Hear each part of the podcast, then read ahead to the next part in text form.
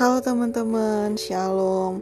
Wow, hari ini aku excited banget ya karena kita masuk ke kitab yang baru yaitu kitab pengkhotbah. Happy banget rasanya um, bisa nyasain uh, podcast untuk kitab Amsal. Mudah-mudahan tetap bisa terus memberkati teman-teman walaupun ya aku tahu aku terbatas. Aku tahu juga aku uh, ngerenungin firman Tuhan ini juga dengan tuntunan renungan renungan harian. Tapi aku yakin uh, pasti sedikit, sedikit banyaknya firman Tuhan atau renungan ini bisa membantu teman-teman yang lain juga.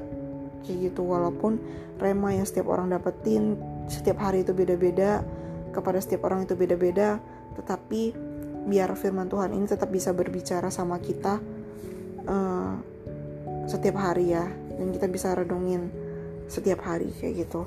Jadi hari ini aku pengen uh, apa ya menceritakan tentang latar belakang kitab pengkhotbah yang aku baca. Jadi kitab pengkhotbah itu berasal dari uh, kata pengkhotbah itu berasal dari kata Ibrani koheleth yang art, yang kata dasarnya itu adalah kahal yang artinya berkumpul. Jadi kohalat itu bisa diartikan sebagai orang yang mengadakan atau berbicara kepada suatu perkumpulan. Nah, dalam bahasa Inggris, kita pengkhotbah ini disebut ecclesiasts. Jadi, berasal dari bahasa Yunani ekanoia yang artinya seorang yang berkhotbah pada sebuah pertemuan atau uh, secara singkatnya gereja atau jemaat. Nah, yang nulis kitab pengkhotbah ini pastinya kita tahu ya, Salomo, yaitu uh, muncul sih di beberapa ayat, eh di beberapa pasal. Uh, dia dia dia menyebut dirinya sebagai anak Daud, menyebut dirinya sebagai pemimpin paling bijaksana, uh, men menyebut dia adalah apa kerajaannya dikenal sebagai dikenal karena kekayaan dan kemuliaan berlimpah-limpah. Jadi itu sudah pasti adalah Raja Salomo ya. Nah, eh, kitab pengkhotbah ini lebih apa ya? Kayak menceritakan tentang kesia-siaan. Kata kesia-siaan, kata sia-sia sangat banyak muncul di kitab ini. Gitu ya, banyak banget diulang-ulang.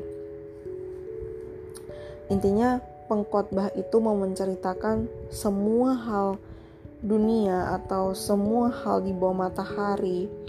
Itu kalau kita kejar uh, itu sia-sia. Pengkhotbah atau Raja Salomo sudah kayak udah mengalami hal ini. Jadi dia kayak pengen memberitahu kita memberikan kita pengalamannya dia gitu ya tentang uh, pengejaran di bawah matahari yang udah dia capai gitu. Tentang penemuan ilmiahnya dia tentang hikmat tentang uh, kebahagiaan tentang apa ya tentang alkohol pun ada. Nanti kita akan lihat di pasangan kedua. Tentang pembangunan tentang properti tentang uh, apa namanya kemewahan terus